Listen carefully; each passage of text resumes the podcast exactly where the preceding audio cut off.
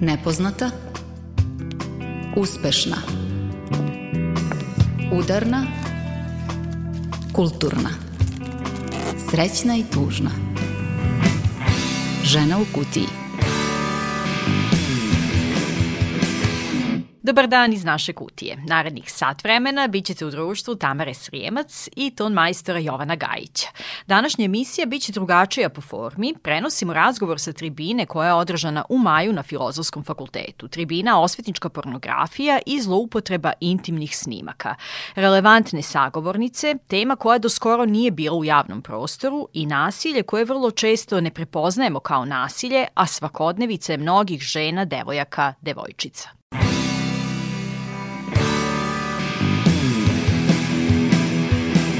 Zašto je osvetnička pornografija oblik digitalnog i rodno zasnovanog nasilja? Koliko je teško otkriti grupe na digitalnim platformama koje bez saglasnosti dele intimne fotografije devojaka i žena? I zašto nam treba posebno krivično delo kojim će ovaj oblik nasilja biti definisan?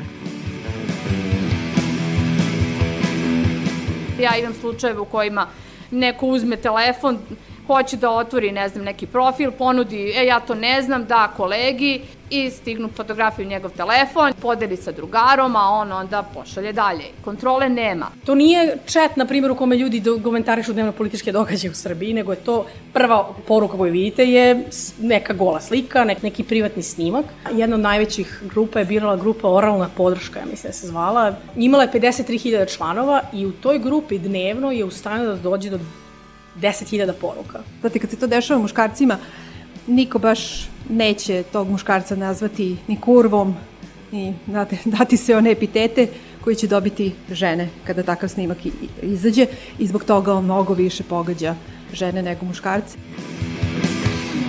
Šta je osvetnička pornografija, kako se manifestuje, koliko je sve prisutna i koje posledice nosi? Sam termin prvi put u javnosti odjeknuo 2021. godine, zahvaljujući Staši Ivković, devojci koja je bila žrtva osvetničke pornografije.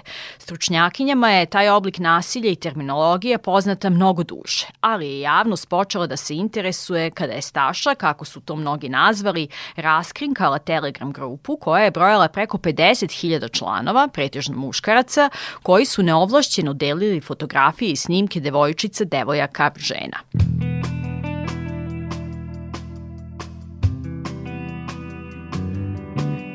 Ženi u kutiji slušate Anđelu Milivojević, istraživačku novinarku i autorku istraživanja o osvetičkoj pornografiji koja je objavio Birn Srbija, Vanju Macanović, pravnicu iz Autonomnog ženskog centra i Mirjanu Stajkovac, zamenicu javnog tužioca u posebnom tužilaštvu za visokotehnološki kriminal.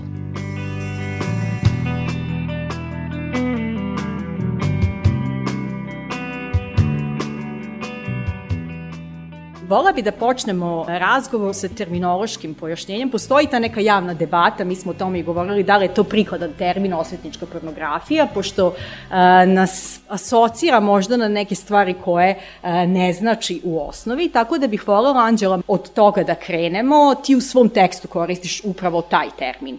Uh, zašto? I zašto je on dobar, a s druge strane koje su alternative i koji bi možda bili bolji termini. Ja sam u tekstu kada sam koristila taj termin osvetnička pornografija, pre svega ga iskoristila zbog toga što je to nešto što je došlo kao prevod praktično eh, iz uglavnom engleskog kao revenge porn koji mediji u inostranstvu uglavnom izveštavaju već sigurno jedno 5-6 godina. Uh, i kao takav je, nekako se ustalio u medije i uvek je uz taj revenge porn išla definicija, odnosno objašnjenje šta zapravo taj termin znači. Ja sam u tekstu nekako sa urednicima razgovarala o tome da li je okej okay da koristimo termin e, osvetnička pornografija i onda smo rekli da, da u, u, kod nas i dalje taj termin nekako uh, nije dovoljno objašnjen i ne postoji neka dovoljno razrađena i po, dovoljno popularna, da tako kažem, mm -hmm. uh, alternativa koja bi mogla da bude iskorišćena, koja ne bi odvela u to da se sad debatujemo o terminu, a da se suštinski ne zaboravimo o čemu pričamo u tekstu.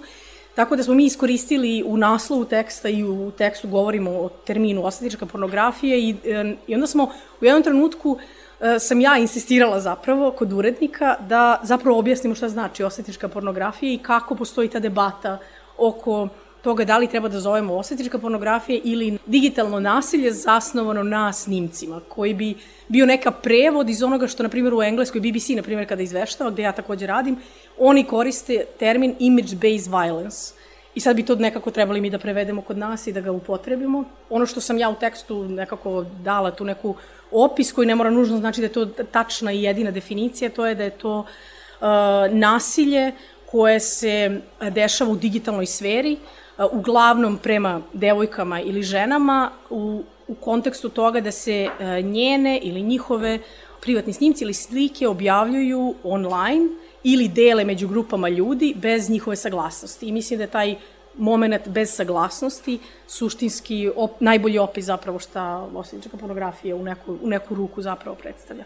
A problematičan je zbog toga što niti je to pornografija, jer niko, niko od devojaka sa kojima sam ja razgovarala se ne bavi pornografijom, niti je, na primjer, porno glumica, da tako kažem, pa da je sad to tako došlo mm -hmm. do, do, neko, do neke javne sfere, niti je taj moment osvete uopšte opravda, ništa ona loše nije uradila, ona je samo imala intimni moment sa svojim partnerom ili partnerkom i to je prosto otišlo van njene kontrole u javnost. Da, i u mnogim definicijama se još dodaje to da se objavljuju fotografije i snimci sa ciljem da se izazove tako, sram, stid uh, i uznemirenost, tako da to jeste opet u opisu i rodno zasnovanog nasilja. Dakle, mnogima je sporan taj termin osvetnička, zato što ni ne stoji u objašnjenju ko se kome sveti i tu uh, ima malih nejasnoća, ali Vanja, možda da se nastavimo na Anđelinu priču, bez obzira na to da li koristimo jedan ili drugi termin, svakako jeste reč o nasilju. Zašto to jeste nasilje i koje sve posledice ostavlja? Autonomni ženski centar je inače i članica Evropskog ženskog lobija, znači to je jedna mrežna organizacija ovaj, ženskih organizacija u Evropi koja se ono bavi se ovim pitanjima nasilja prema ženama. Odavno je, je Evropski ženski lobby isto govorio oko toga da ovaj naziv osvetnička fotografija nije dobar naziv i da mora da se pronađe drugi i sada vi sa bilo kojom ženskom organizacijom kod nas ili u Evropi da razgovarate, mi uglavnom nećemo koristiti te izraz, zato što je on limitiran i ograničavajući i e, zato, zato se koristi ovo neovlašćeno deljenje snimaka intimne sadržine, što on us faktički jeste. Ali kako je došao do toga, u stvari da on dobije taj prvobitni naziv, e, počeo upravo iz tog razloga što se on koristio kao sredstvo osvete i ucene toga da ono kao imate pravo sa vašim partnerom partnerkom da ono, kao naravno da snimite i ono kao snimke i to je postojali dok su bile i one VHS kasete ko se toga seća, ali cela pojenta je bilo da se, znači, onaj partner koji je ostavljen e, ne može da prihvati to, da je ostavljen ili ostavljena i da onda način na koji će u stvari da naodi jel te, drugom partneru koji ga ostaje jeste u stvari da pusti ovaj, tu vrstu snimka ili uh, ovaj, fotografije.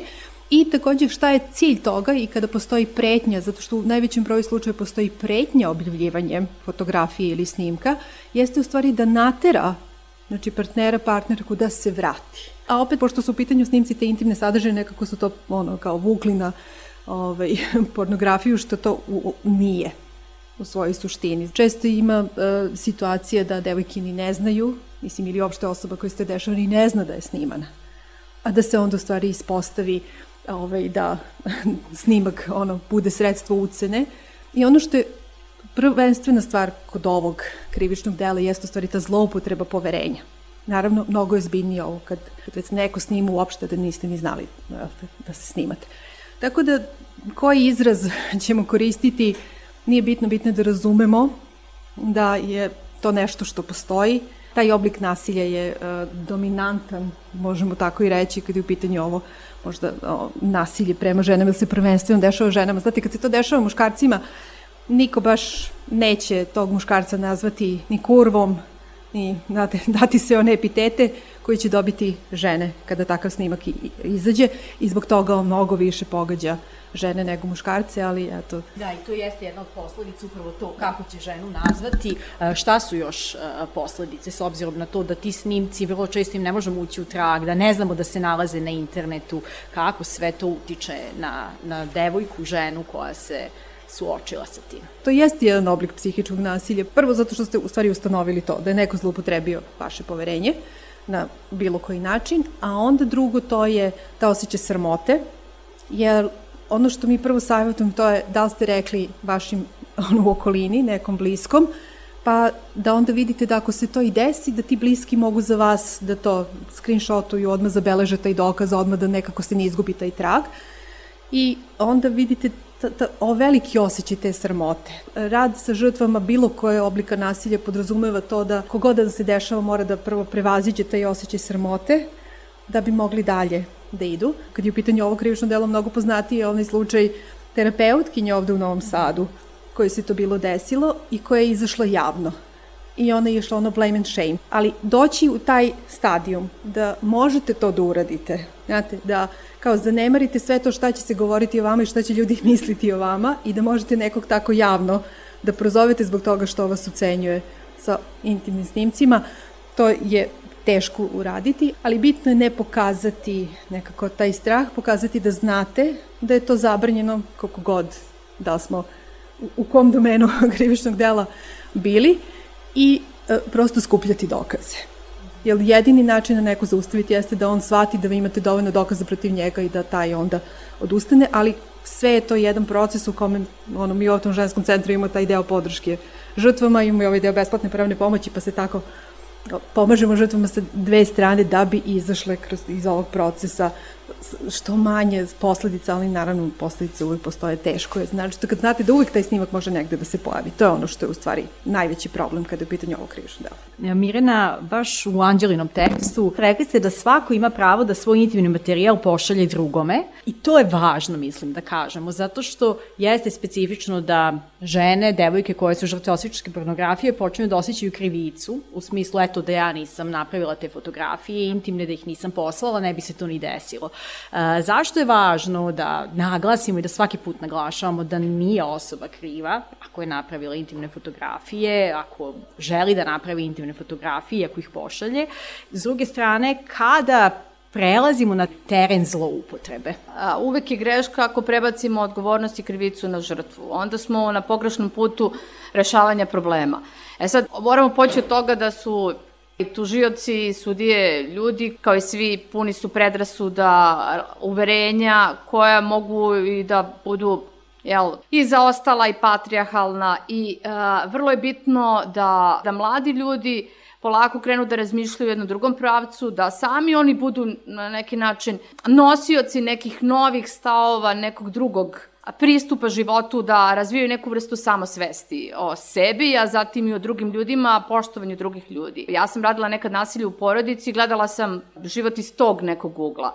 Kada sam došla u posebno tužilaštvo za visokotehnološki kriminal, ja sam se poprilično iznenadila koliko ima a, pedofila u ovoj državi a, i mislila sam da neki ljudi preteruju u celoj toj priči, A zatim a, došla sam i do tog saznanja da smo mi kao društvo se promenili. Naš sad odnos komunikacije je više digitalan nego u nekom ličnom kontaktu. I sad u tom novom vidu naše komunikacije dolazi do razmene intimnih fotografija. Ukoliko mi kažemo pa kriva je, ona je to poslala, nek se sad ovaj, gleda šta će sa tim, mi onda znači nećemo ni, ništa ni postupati po tome i onda kad dođe takva neka prijava mi ćemo je odbaciti, jel? Ako krenemo od tog uverenja.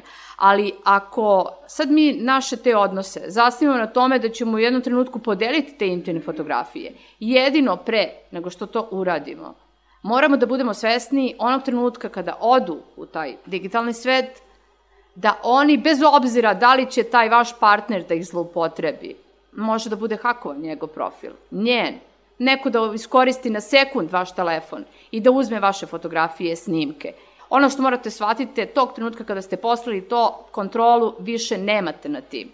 I to je ono što morate pre nego što pošaljete bilo šta ili u svojim aparatima bilo gde sačinite takve snimke.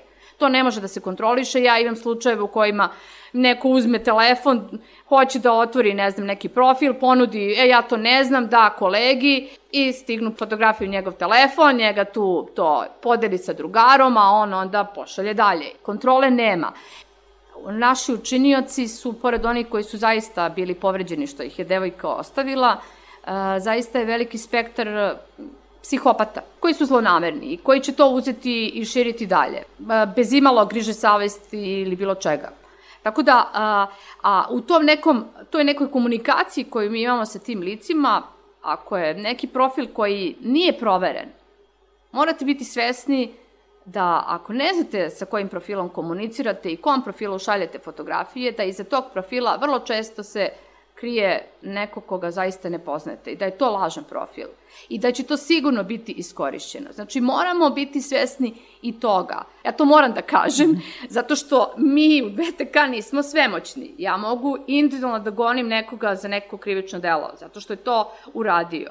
Ali posledice po vaš razvoj, i seksualni, i emocionalni, društveni, bilo kako, mogu da budu zaista pogubne. Ja sam imala žrtve koje Kada sam krenula da ih saslušavam, ispostavi se da su bile silovane. Nisu prijavile, ali su prijavile onog trenutka kada je taj krenuo da ih ucenjuje i uzeo i objavio te fotografije. Zbog čega je prijavila to, a nije prijavila da je silovana?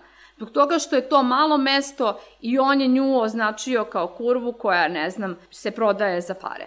Znači, žena je spremna, pre svega ženska osoba, jel, a, je spremna da istrpi silovanje i prinudu i mnogo toga, ali kada to bude objavljeno i kada drugi saznaju, zbog te sramote i stida, posljedice su mnogo veće. I u manjim mestima je zaista teško preživeti. Ja imam na neki način skener za celu Srbiju kako koji region reaguje i kako se ponaša. Oni svi dolaze u Beograd da daju iskaz. I onda mogu da vidim kako u manjem mestu u odnosu na nekoga koji živi u Beogradu recimo, kako se nosi sa tim što mu se dešava. Posledice su zaista ozbiljne, a ono što jedino treba da se zna, to će biti sankcionisano i da će taj krivično odgovarati. Da, govorit ćemo i dalje koliko je teško prikupiti dokaze. Vola bi da se vratimo na priču koliko je teško otkriti osvetničku pornografiju na mrežama. Anđela, vola bih malo da nam predstaviš proces rada e, na istraživanju za tekst koji je objavljen u Birnu. E, nekoliko pitanja bih ti postavila, ali zapravo jeste suština da nam malo objasniš kako je tekao taj proces. Ti si otkrila 16 grupa, koristila si određene alate na Telegramu, koliko je to zahtevno? Dakle, kako si pristupila, koliko ti je trebalo dugo da upoznaš pravila koja funkcionišu u tim grupama? I ceo internet je nekako prostor koji ne možemo sagledati u celini i to malo plaši kada pomislim koliko takve grupa još postoji, a mi ne znamo, ali hajde da se fokusiramo na ovih 16, kako je tekao taj proces i kako se ti tu pozicionirala? Ono što sam ja uradila jeste da sam ja htjela da vidim šta se desilo sa grupom Nišlike. Ako se ne sećate, 2021 je izašla vest e, Staša iz, e, je objavila na, na, na Twitteru, posle i još jedan profil na Instagramu da postoji grupa Nišlike u kojoj se dele privatne snimci i slike e, devojaka, ne samo iz Srbije, već iz celog regiona. I ta grupa, osoba je pri, privedena umeđu vremenu, ali ta grupa je nestala i to je kao, eto, nestalo, ne, postale su još neke grupe, njih nema. Ja sam htjela da vidim šta se zapravo dešava na Telegramu, da li i dalje taj trend postoji. I prva stvar koju sam uradila jeste da sam pokušala da nađem uh, te neke uh, admine. Sad, za vas koji ne koristite Telegram, Telegram praktično funkcioniše kao jedna aplikacija kao što je WhatsApp, na primjer, ili Viber, manje više to je Messenger. S tim što je Telegram uh, iz ugla nekoga ko koristi često aplikacije, mnogo su cool aplikacije, u smislu ima mnogo dobre opcije. Za razliku od WhatsAppa i Vibera, Meni je Telegram stvarno mnogo dobra aplikacija, ali zato što je toliko dobra, mnogo lako se zlupotrebljava i ima načine da se zlupotrebljava na načine koji nemaju ove druge aplikacije. Jedno garantuje jeste, anonimnost. Jedno od njih je da vi budete anonimni. Tamo i smislite, na primjer, svoj neki username koji može da bude, na primjer, ja sam unicorn, ne znam, ili zvezda padalica. I ako ja pre nego što instaliram Telegram na mom telefonu i niko od mojih kontakata nije na tom telefonu, ja mogu da postanem apsolutno anonimna. Jer neko ko koristi Telegram, a već ima kontakte u telefonu, ja ću videti da vi imate profil. Ja sad, nažalost, sam videla neke ljude u tim grupama koje ja znam, jer sam videla moje kontakte. Ali, ako ja uzmem čist telefon u kome samo ubacim Telegram, niko ne zna ni moj broj telefona, ni, moj, ni ko sam ja. To je sad jedna stvar kod Telegrama. Druga stvar jeste što te grupe mogu da budu zatvorene i otvorene. I one imaju limit do 200.000 članova za grupu. I onda posle toga to mora da se preformuliše u neki page ili tako nešto. Te grupe koje su zatvorene, vi možete da uđete u tu grupu samo ako imate link ka toj grupi. U smislu to je neki invite link koji može da bude ograničenog vremenskog trajanja. Treća stvar jeste da ja kao članica admin grupa mogu da sakrijem od ljudi da vide u kojim sam grupama član. Što je takođe opet još jedna vrsta da se neko zaštiti, da ja ne vidim odakle su svi ti ljudi. Četvrta opcija jeste da ti admini mogu da sakriju da su admini na tim grupama. Sad, mnogi od ovih admina koje sam ja našla nisu toliko bili e, spretni, tako da sam ih izvalila ili kroz username, ili kroz to što su, uđem u jedan admin i vidim da je ta osoba član još tri grupe, i onda nađem dodatne neke tri grupe, ili su oni unutar grupa koje sam ja našla delili taj invite link u kojima sam ja nalazila nove grupe. I sad je to bilo jedan način traženja, a drugi način jeste bio da sam, to, pošto sam bila nešto u Londonu, tamo, tamo sam studirala jedno vreme, išla sam na jednu radionicu u kojoj su radili te napredne pretrage telegrama. I jedna od njih jeste da postoji taj jedan telegram bot koji zapravo može da omogući da ja stavim username određene osobe, bez obzira da, da li taj username i dalje postoji ili ne postoji, i da vidim sve grupe u kojima je ta osoba bila član. Ja sam tako našla jednog od admina iz ove Nišlike grupe i tako sam zapravo došla do na kraju dana i posle skoro šest meseci rada na svemu tome, do 16 grupa koje smo mi identifikovali kao grupe u kojima se između ostalog dele privatni snimci i a, fotografije uglavnom devojaka i žena iz Srbije. To nisu bile samo devojke i žene a, iz Srbije. Sad ovo tvoje drugo pitanje vezano mm -hmm. za mhm. komunikaciju. Ja kad sam ušla u te grupe, ja sam to uradila praktično kao, ono, u novinarstvu se to zove kao neki undercover. Mislim, ja sam napravila lažni profil, učlanjivala sam se u sve te grupe i pokušala da nađem uh, što više njih i pratim šta oni tamo pišu. I sad, te grupe su napravljene samo isključivo zarad deljenja pornografskog materijala, plus se tu deli i materijal privatnih snimci i sni, slike devojaka. Jer to nije chat, na primjer, u kome ljudi komentarišu dnevno političke događaje u Srbiji, nego je to prva poruka koju vidite je neka gola slika, neki, neki privatni snimak. I onda sam ja morala stvarno da provedem jako mnogo vremena praktično gledajući što oni postoju. Šta si sve videla? Pa to, to su stvarno grozne stvari. Dakle, na stranu to što oni, ti članovi, grupa, na, jedna od najvećih grupa je birala grupa Oralna podrška, ja mislim da se zvala. Uglavnom imaju tako te neke nazive, možete pretpostaviti šta su njima deli. Uh, imala je 53.000 članova i u toj grupi dnevno je u stanju da dođe do 10.000 poruka. I uglavnom su to poruke koje su slika, snimak, slika, snimak, slimak, snimak. A onda krenu da šalju ima neko nešto Zaječar, neko nešto razmena Kruševac, neko nešto uh, Novi Sad. I onda se ljudi javljaju. Naprimer, ne, neko napiše neko nešto uh, Kruševac i onda ovaj druga osoba, na primjer, odgovori uh, piši mi u DM i onda ako ta neka osoba ne odgovori na vreme, onda ova osoba kaže imamo ovo, imamo ono, imam ništa OnlyFans, u smislu neće vešći ono što je objavljeno na OnlyFans platformi, a to je platforma koja je takođe nekako postala iz nekog razloga platforma za porno materijal, iako nije napravljena za to.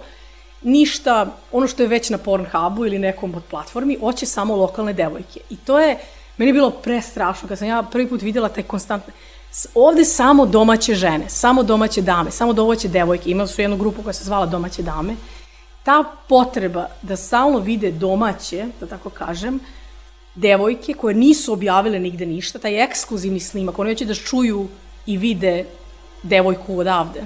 Neće da vide porno glumicu sa nekog porno filma, koja je to uradila zašto je, na primjer, se bavi time, nego žele da vide odavde. Malo je meni trebalo vremena da ja razumem taj njihov slang, šta im to znači. Onda, na primjer, slang je bio plus minus 18. Vi shvatite šta znači plus minus 18. U suštini tamo se deli i fotografiji, i snimci maloletnica. maloletnika. Plus su tamo postojali folderi u tim grupama koji su se zvali uh, ili to, na primjer, plus minus 18 ili samo iz, na primjer, vršca ili tako nešto.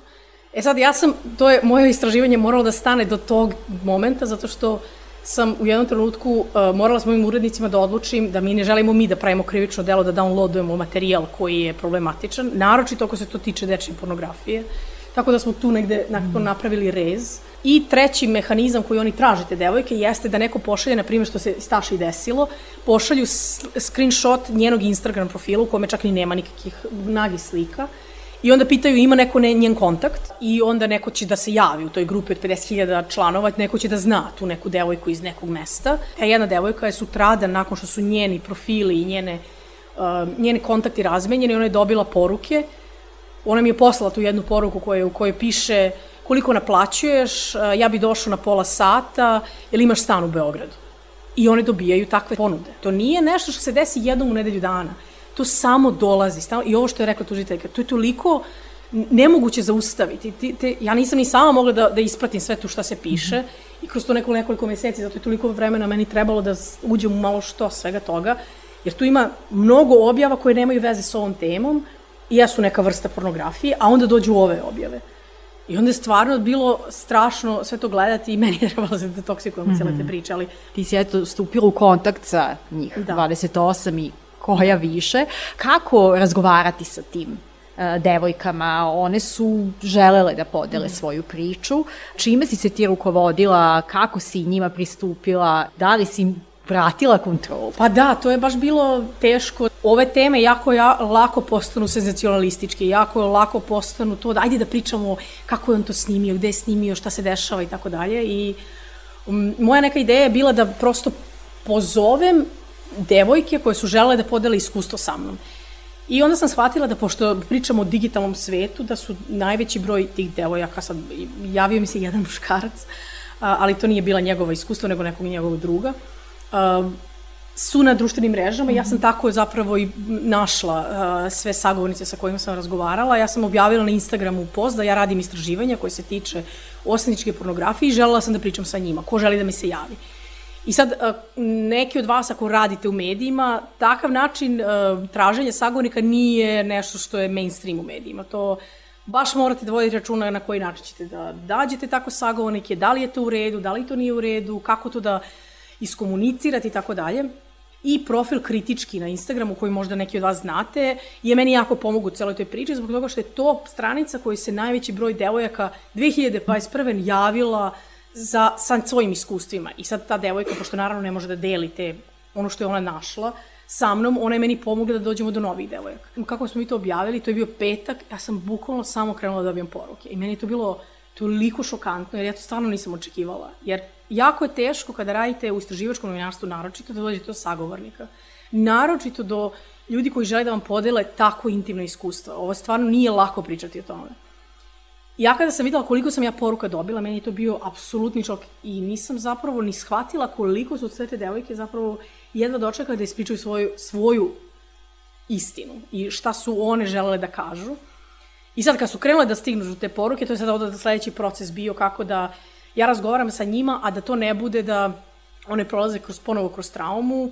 Ja njima nisam, nekako je moja neka strategija bila da ja kažem šta ja radim i da ono što one žele da, da mi kažu da je to u redu. Znači, neke nisu žele da kažu uopšte dovoljno detalja, neke su stvarno išle u mnogo detalja i baš su, ja sam njima govorila da ja ne moram da znam sve te detalje. One su rekle, ja hoću ti objasnim kako je to izgledalo, samo da razumeš šta, šta je on meni uradio. Ja sam morala mnogo da vodim računa koje vrstu pitanja postavlja. Jer nije, nije to isto kao raditi intervju sa bilo kojim, mm. ne znam, osobom ovako u dnevnom životu, koja je, koju novinari inače rade.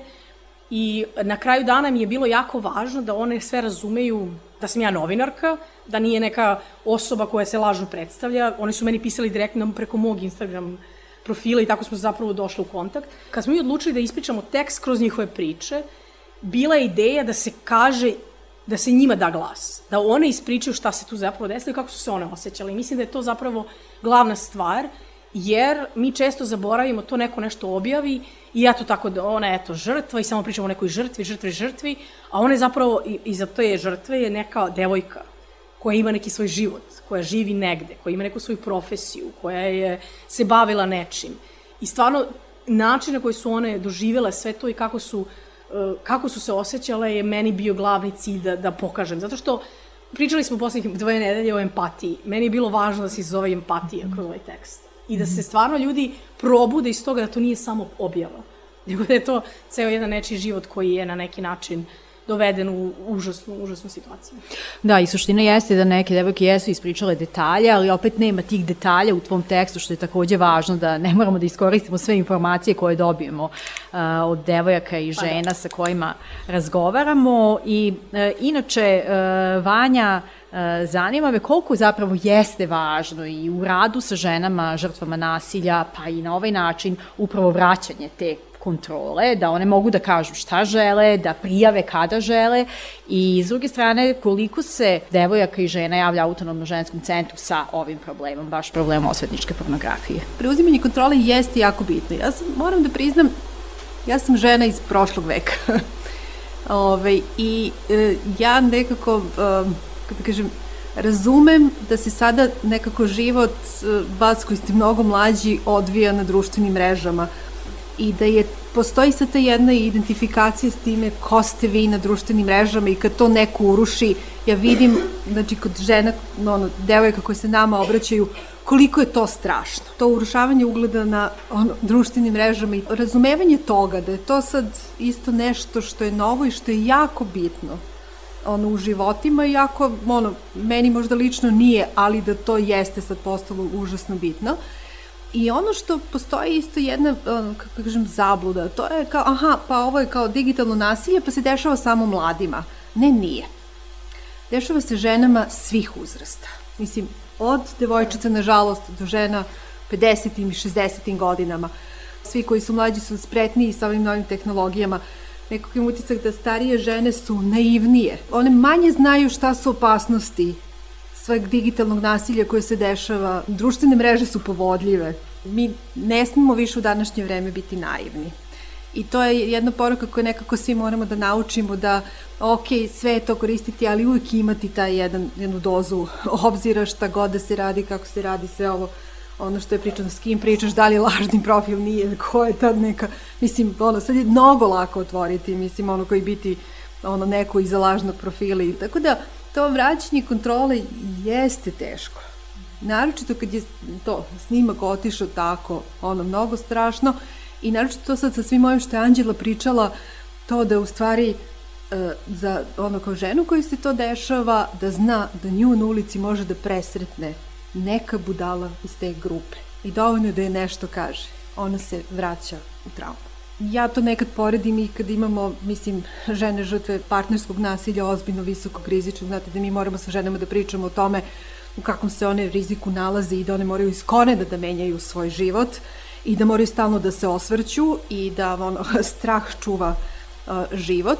Teško je prihvatiti to da ste žrtva, teško je prihvatiti to da vi svoj život morate menjati s korena.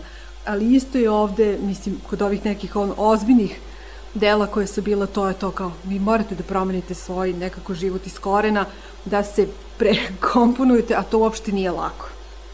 I to je jedan dugotren proces i zahteva mnogo rada i mnogo rada na sebi, mislim i sa terapeutima i to da se neko ono, prevaziđe, da može da se nastavi znajući da uvek neko to može da vas pozove i da kaže koliko naplaćuješ, može sastanak tu i tako, zato što je taj neko prosledio sliku, snimak i šta god i rekao ova nudi usluge za toliko i toliko, iako to naravno mislim se ne bavi time, ali to je ta vrsta osvete, ucene, šta god da je namera ono koji to čini. Mirjana, vi stalno ističete zapravo kad god možete da bi osvetničku pornografiju trebalo definisati kao posebno krivično delo. Zašto je to važno radi lakšeg procesuiranja i s druge strane zašto ovi sada važeći zakoni nisu dovoljni? Mi se za sada naravno snalazimo koristimo dela koje trenutno imamo na raspolaganju. Ima to delo koje se goni po privatnoj tužbi, ovaj, neovlašćeno objavljivanje tog nekog snimka, gde se u stvari, kada dođe do toga da neki vaš snimak neko iskoristi, objavi bez vaše saglasnosti, ali se tu upućuje na po privatnoj tužbi. E sad, to je ono što ja, recimo, kad sam došla u posebno tužila, što pokušavam da promenimo i da svaki taj jedan snimak pokušam sad, taj snimak je ne znam kao što, jel, Anđela kaže, oni sad, i to se stvarno dešava, a, oni vas okače na telegramu, daju vaš broj telefona, vaše ime i prezime i kažu, e, ona se daje, ima ovako. Te žene imaju na stotine i stotina poziva kojima se misli da su one, jel, prostitutke da se nude i to traje mesecima. Sad, taj proces dokazivanja, kako ja sada dokažem da postoji telo koje mi trenutno imamo, moram da... Pa onda recimo to polno uznemiravanje, žena mora da se pridruži krivičnom gonjenju, a one žele u stvari da se više nikad ne pojave. I kažu ne pridružujem se krivičnom gonjenju i meni otpada krivično delo. I sad ja kao moram da ono nekako istežem da bi bilo ovo proganjanje. Tako da ako postoji dobra volja, što postoji s naše strane, to je s ovog našeg tužilaštva, mi radimo na tome i guramo i pokušavamo. Mislim da se i sudska praksa razvija, mi imamo već jedan deo presuda u tom smislu, da, ovaj, da na taj način ovaj, to sve e, dođe do jel, krajne tačke i da to u stvari bude poruka, mi ćemo uh, to goniti, bez obzira što trenutno nemamo krivično delo koje je tako, ali možemo kroz ova dela koje sam pomenula i zaista ovaj, mi ćemo stići do osuđujuće presude. Moje kolege, pošto najvećim delom BTK je muški kolektiv, pitala u vezi svega toga i oni kažu da recimo onaj tamo krajnji konzument koji je na toj Telegram grupi, on to gleda kao pornografski materijal. Njega ne zanima da li je dobrovoljno, da li je neko nekog iskoristio, oni međusobno dele taj materijal. To je kao ne znam, u fotelji sediš i gledaš, ne znam, utakmicu i e, u samom tom dokazivanju i pokušaju ne treba ići od tog krajnjog konzumenta, nego preko žrtve vidjeti da li je i kome podelila, pa na taj način doći e, i prikupiti dokaze. Tako da, u tom smislu možda bi meni jel, bilo lakše da sad imam krivično delo gde su malo ovaj, čvrstiti neki parametri na osnovu čega možemo da to a, bilo lakše u dokazivanju, ali to ne znači da mi dalje to krivično ne gonimo. Našli smo trenutno dela znači, koje to radimo i to funkcioniše. A da li bi ženama, devojkama bilo, bilo lakše? Veća poruka time da postoji to delo je za izvršioce. Žrtve će biti kroz ova dela zaštićena, ali će možda a, da postoji tako delo kao što recimo do 2017. nije postojalo krivično delo polno znemiravanje, i proganjanje. Ja znam koliko sam morala krivičnih prijava da odbacim zato što kada neko nekoga dohvati za grudi ili ne znam kaže neku takvu a, poruku kojem vređe to polno, taj deo ovaj, osobe, a nema sile, postoji delo nedozvoljene polne radnje, ja to moram da odbacim. Ili recimo proganjanje, neko vas zaista sve vreme prati, ali vam ne preti, ne kaže da će vas ubiti ili ne znam šta,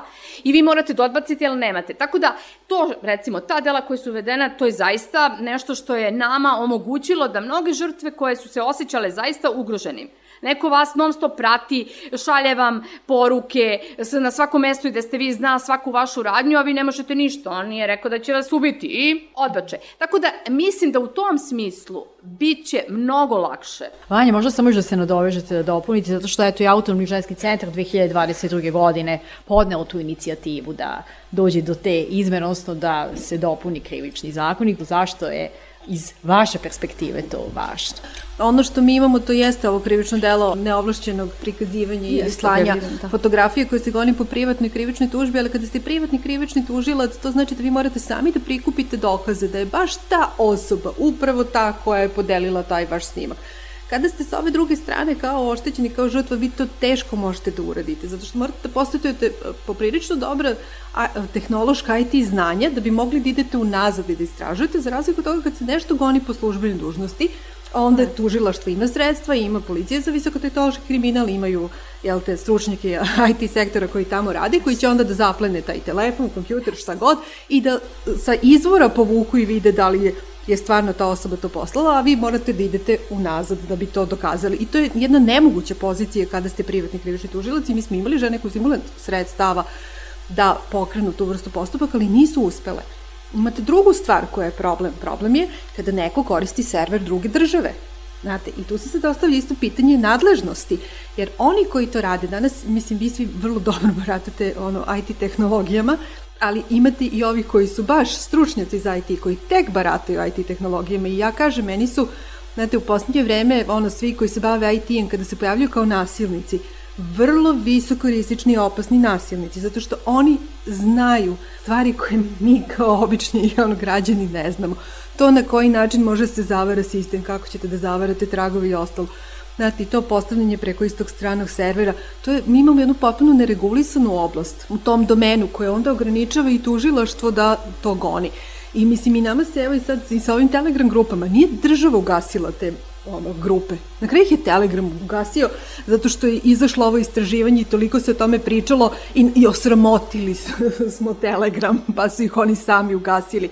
Ali da nije toga bilo, oni ih ne bi ugasili, a naša država faktički nema mogućnosti da ih ugasi. Zato nam je potrebno krivično delo, zato je potrebno da bude jasno svima. Evo ja sam kad smo došli, neko od vas je ovde fotografisao. Mi, ne razumete, nije problem fotografisanja, ali faktički da bi naše slike objavili, vi ste dužni nas da pitate za saglasnost, saglasnost da vi da. podelite naše fotografije. Ne razumete, jer to je ono, mi nemamo tu bazičnu kulturu, šta je dozvoljeno. Znate, i to je, mi smo imali čak jedan slučaj u jednoj osnovnoj školi gde je devojčica, to neki završni razred i poslala svom drugu, uh, ovaj, jel te, obnaženu fotografiju, a onda je on to pokazao svojim drugarima, pokazao i svom tati, a onda je tata to delio svojim prijateljima. Znate, e to je strašno, zato što ne samo što deca ne razumeju do koje mere ne sme da se deli nečije fotografije, posebno tako intimni sadržaj bez saglasnosti, nego što onda to urede i odrasli. I to je problem. Nama fali ta bazična kultura šta je dozvoljeno, šta nije, šta smemo da radimo, šta ne smemo. To je trebalo davno da se priča, po školama definitivno, ali to je nekako propušteno i sad treba vratiti to unazad i reći, izvinite, ovo je zabranjeno. Tu stvari nekako jedno možete raditi kad imate krivično delo koji kaže ovo je zabranjeno, odgovarat ćete ako to radite. Kada smo kod gašenja grupa, 13 grupa na Telegramu je ugašeno. Anđela, nakon tvog teksta, vola bih malo da nam kažeš kako si se ti osjećala, da li si se nekad možda plašila za sobstvenu bezbednost, ili imamo tvoj tekst koji je objavljen tvojim imenom i prezimenom, na super tome imamo uh, nepoznate admine, 50.000 članova, ne znamo ko su ti ljudi, da li su u našem okruženju ili nisu u našem okruženju, da li si razmišljala na tu temu i opet možda da se obratiš studentima, studentkinjama koji će sutra se baviti istraživačkim novinarstvom, zašto je bitno da o tome isto promislimo, da li je važna tu podrška redakcije, kako se ti osjećala? Podrška redakcije, ja mislim da je ključna. I prvo da imate urednike koji vas podržavaju u tome što radite, da imaju svest gde vas šalju i šta vi radite i da budu sve vreme informisani o tome šta radite. Sad, to je drugačije u dnevnim medijima, zašto to sve ide brzo, da, odmah, odmah, odmah, ali u istraživačkom novinarstvu koje traje neko vreme, ima prostora da se obezbede svi mehanizmi, da privi to što radite bude u skladu sa svim nekim novinarskim standardima, tako da je to stvarno uh, važno bilo.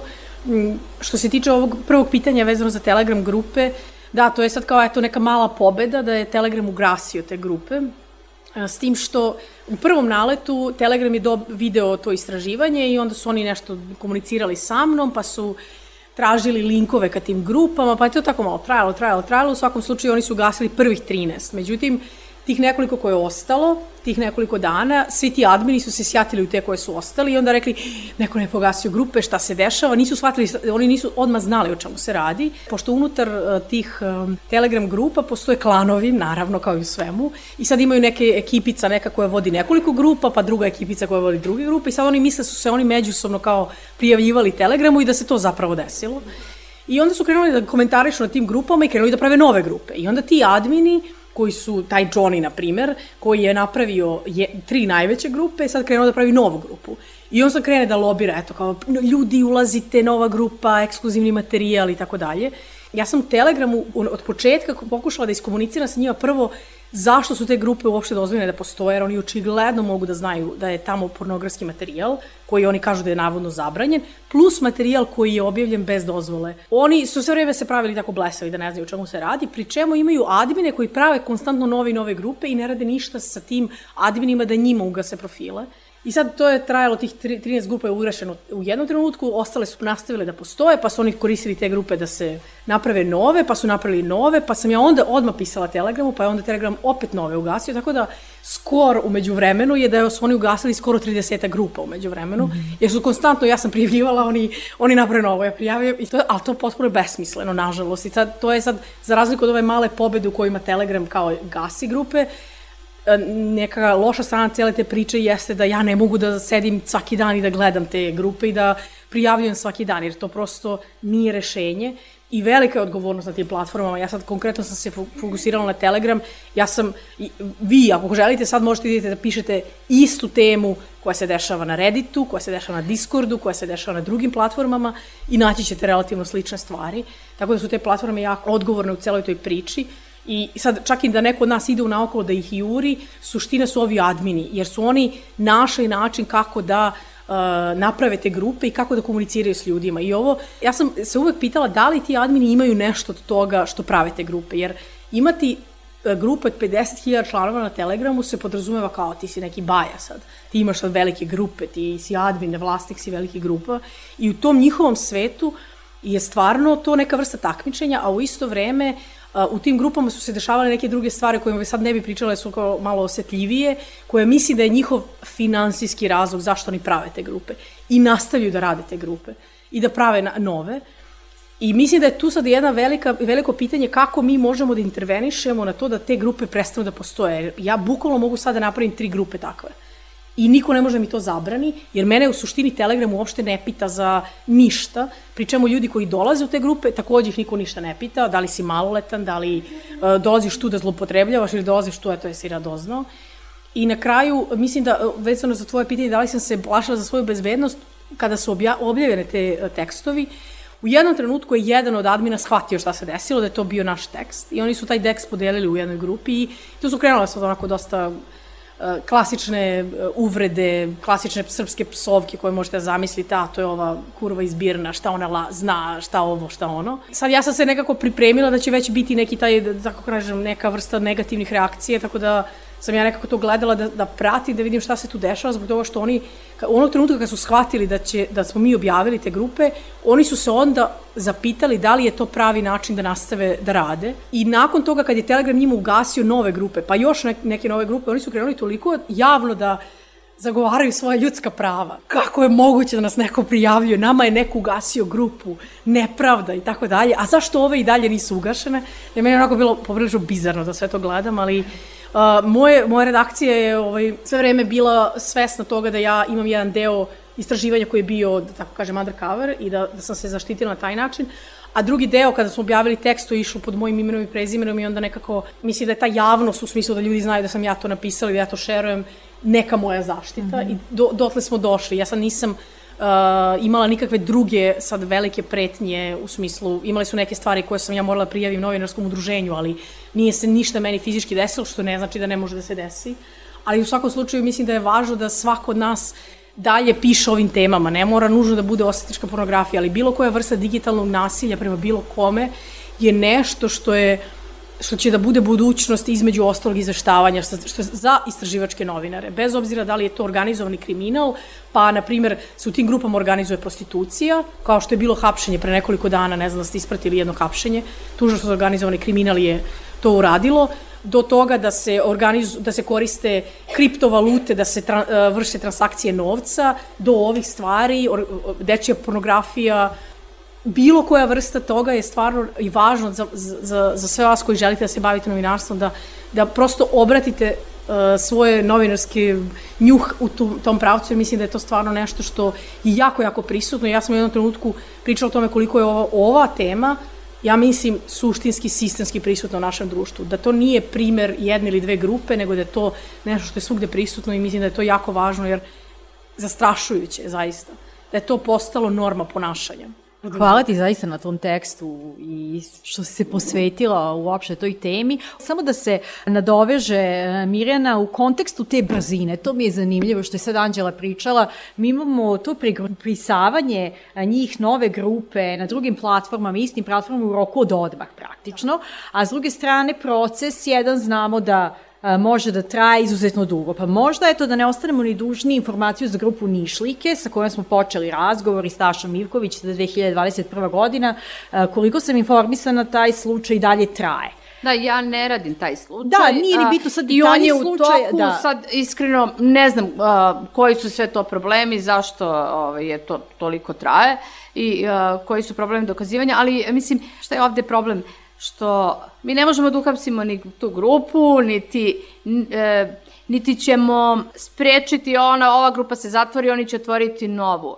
Mislim, ovo nema veze sa pravom, ovo ima više sa nama kao društvom. Očigledno da mi imamo konzumente, mm -hmm. ljudi koji to traže i da je to jedna ozbiljan broj ljudi koji to žele, da postoje takve grupe i da se jel, taj sadržaj razmenjuje i koristi. Znači, to je nešto što to sistemski mora da se radi. I mi moramo kao jel, svako pojedinačno svojim delanjem da menjamo to svoje okruženje, ono mikro, ono što je moj utisak, te grupe postoje ne da bi se delio pornografski materijal gde znamo da je porn, pornog zvezda glavni lik, nego je njima mnogo interesantnije kada je nešto prirodno, kada je u stvari stvarno odnos između dvoje ljudi. Znači, to je ono neko zadiranje u tuđu intimu i, i ta neka tražnja za tako nečim. Tako da, to je više sociološko pitanje. Ja jedino ono kao jel, pravnik, individualna krivična odgovornost. To je ono što ja mogu i tužilaštvo kao organ, to je ta poruka. Mi ćemo goniti za svakoga koga dobijemo prvo prijevo od oštećene, bez nje ne možemo, a oni možda će se neko malo zadržati pa će razmisliti da li će to da radi. Znači, suština jeste svako da prijavimo da bi se Tako bilo šta je. desilo. Tako, i, i mora da- pomoći, da... zaista u tom postupku mora pomoći. Ja sam negde kad smo i pričali sa Anđelom, sad si ne sećam teksta, ali ja sam njoj rekla u tom razgovoru da je vrlo bitno da uh, Ima i punomoćnika. Ne zato što sad što ne zna da radi svoj posao. On treba nju da osnaži, da je pomogne da prikupi te dokaze. Da joj bude prosto podrška u celom tom procesu. Jer je to zaista neprijatno.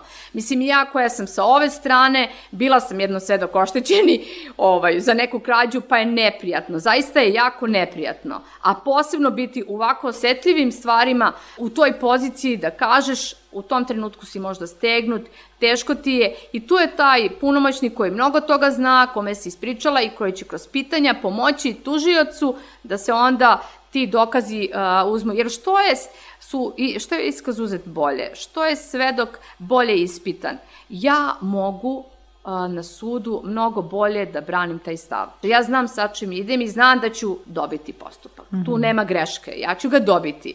Ali, znači, malo da, eto, svako od nas da doprinos u celom tom postupku. Da, i vola bih eto za kraj, ali eto, ako možete da svedete u dve, tri rečenice ovaj odgovor, e, koristit ću se Anđelinim citatom, gledala sam tvoj intervju u podcastu Tampon Zona kod koleginice Ive Parađanin i ti si rekla ovako, osvetnička pornografija je sistemski društveni problem koji postoji u svakom gradu u ovoj zemlji.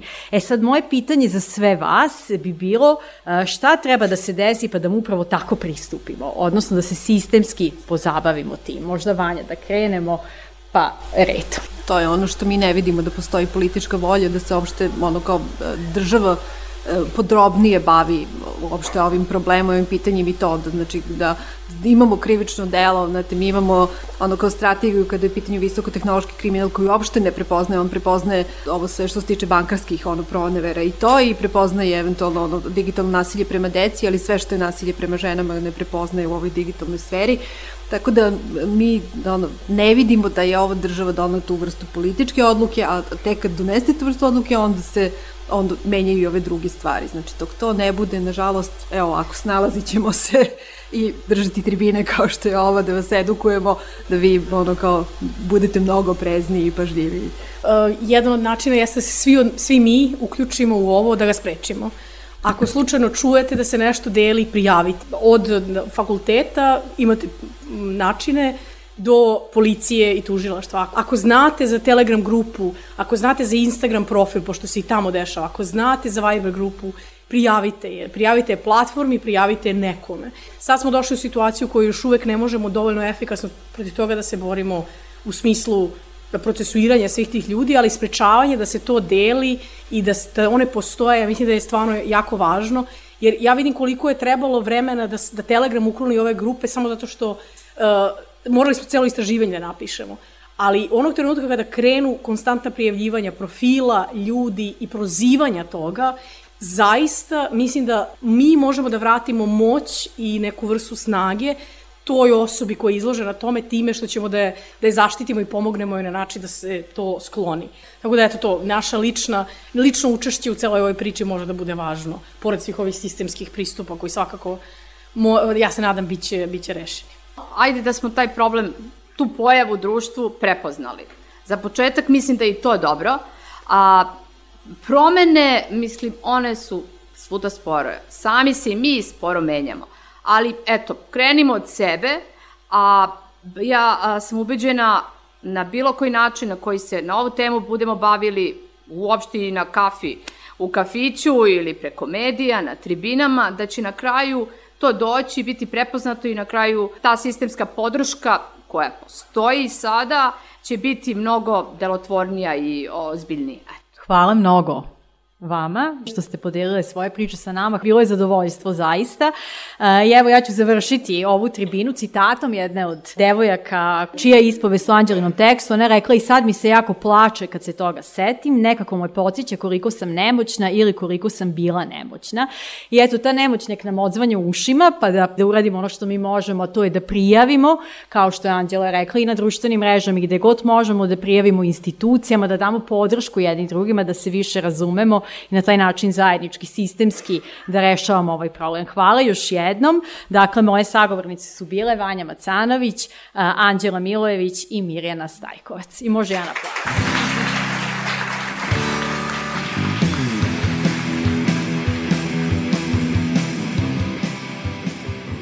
Slušali ste Ženu u kutiji. Veliku zahvalnost za današnju emisiju dugujemo organizatorkama tribine, profesorki Smiljani Milinkov, koja je šefica oceka za medijske studije na Filozofskom fakultetu u Novom Sadu, i profesorki Gordani Lalić Krstin, takođe sa Filozofskog fakulteta, koja je i članica Univerzitetskog odbora za rodnu ravnopravnost. Pozdrav vam šalje i ton majstor emisije Jovan Gajić i ja, Tamara Srijemac. Hvala na slušanju.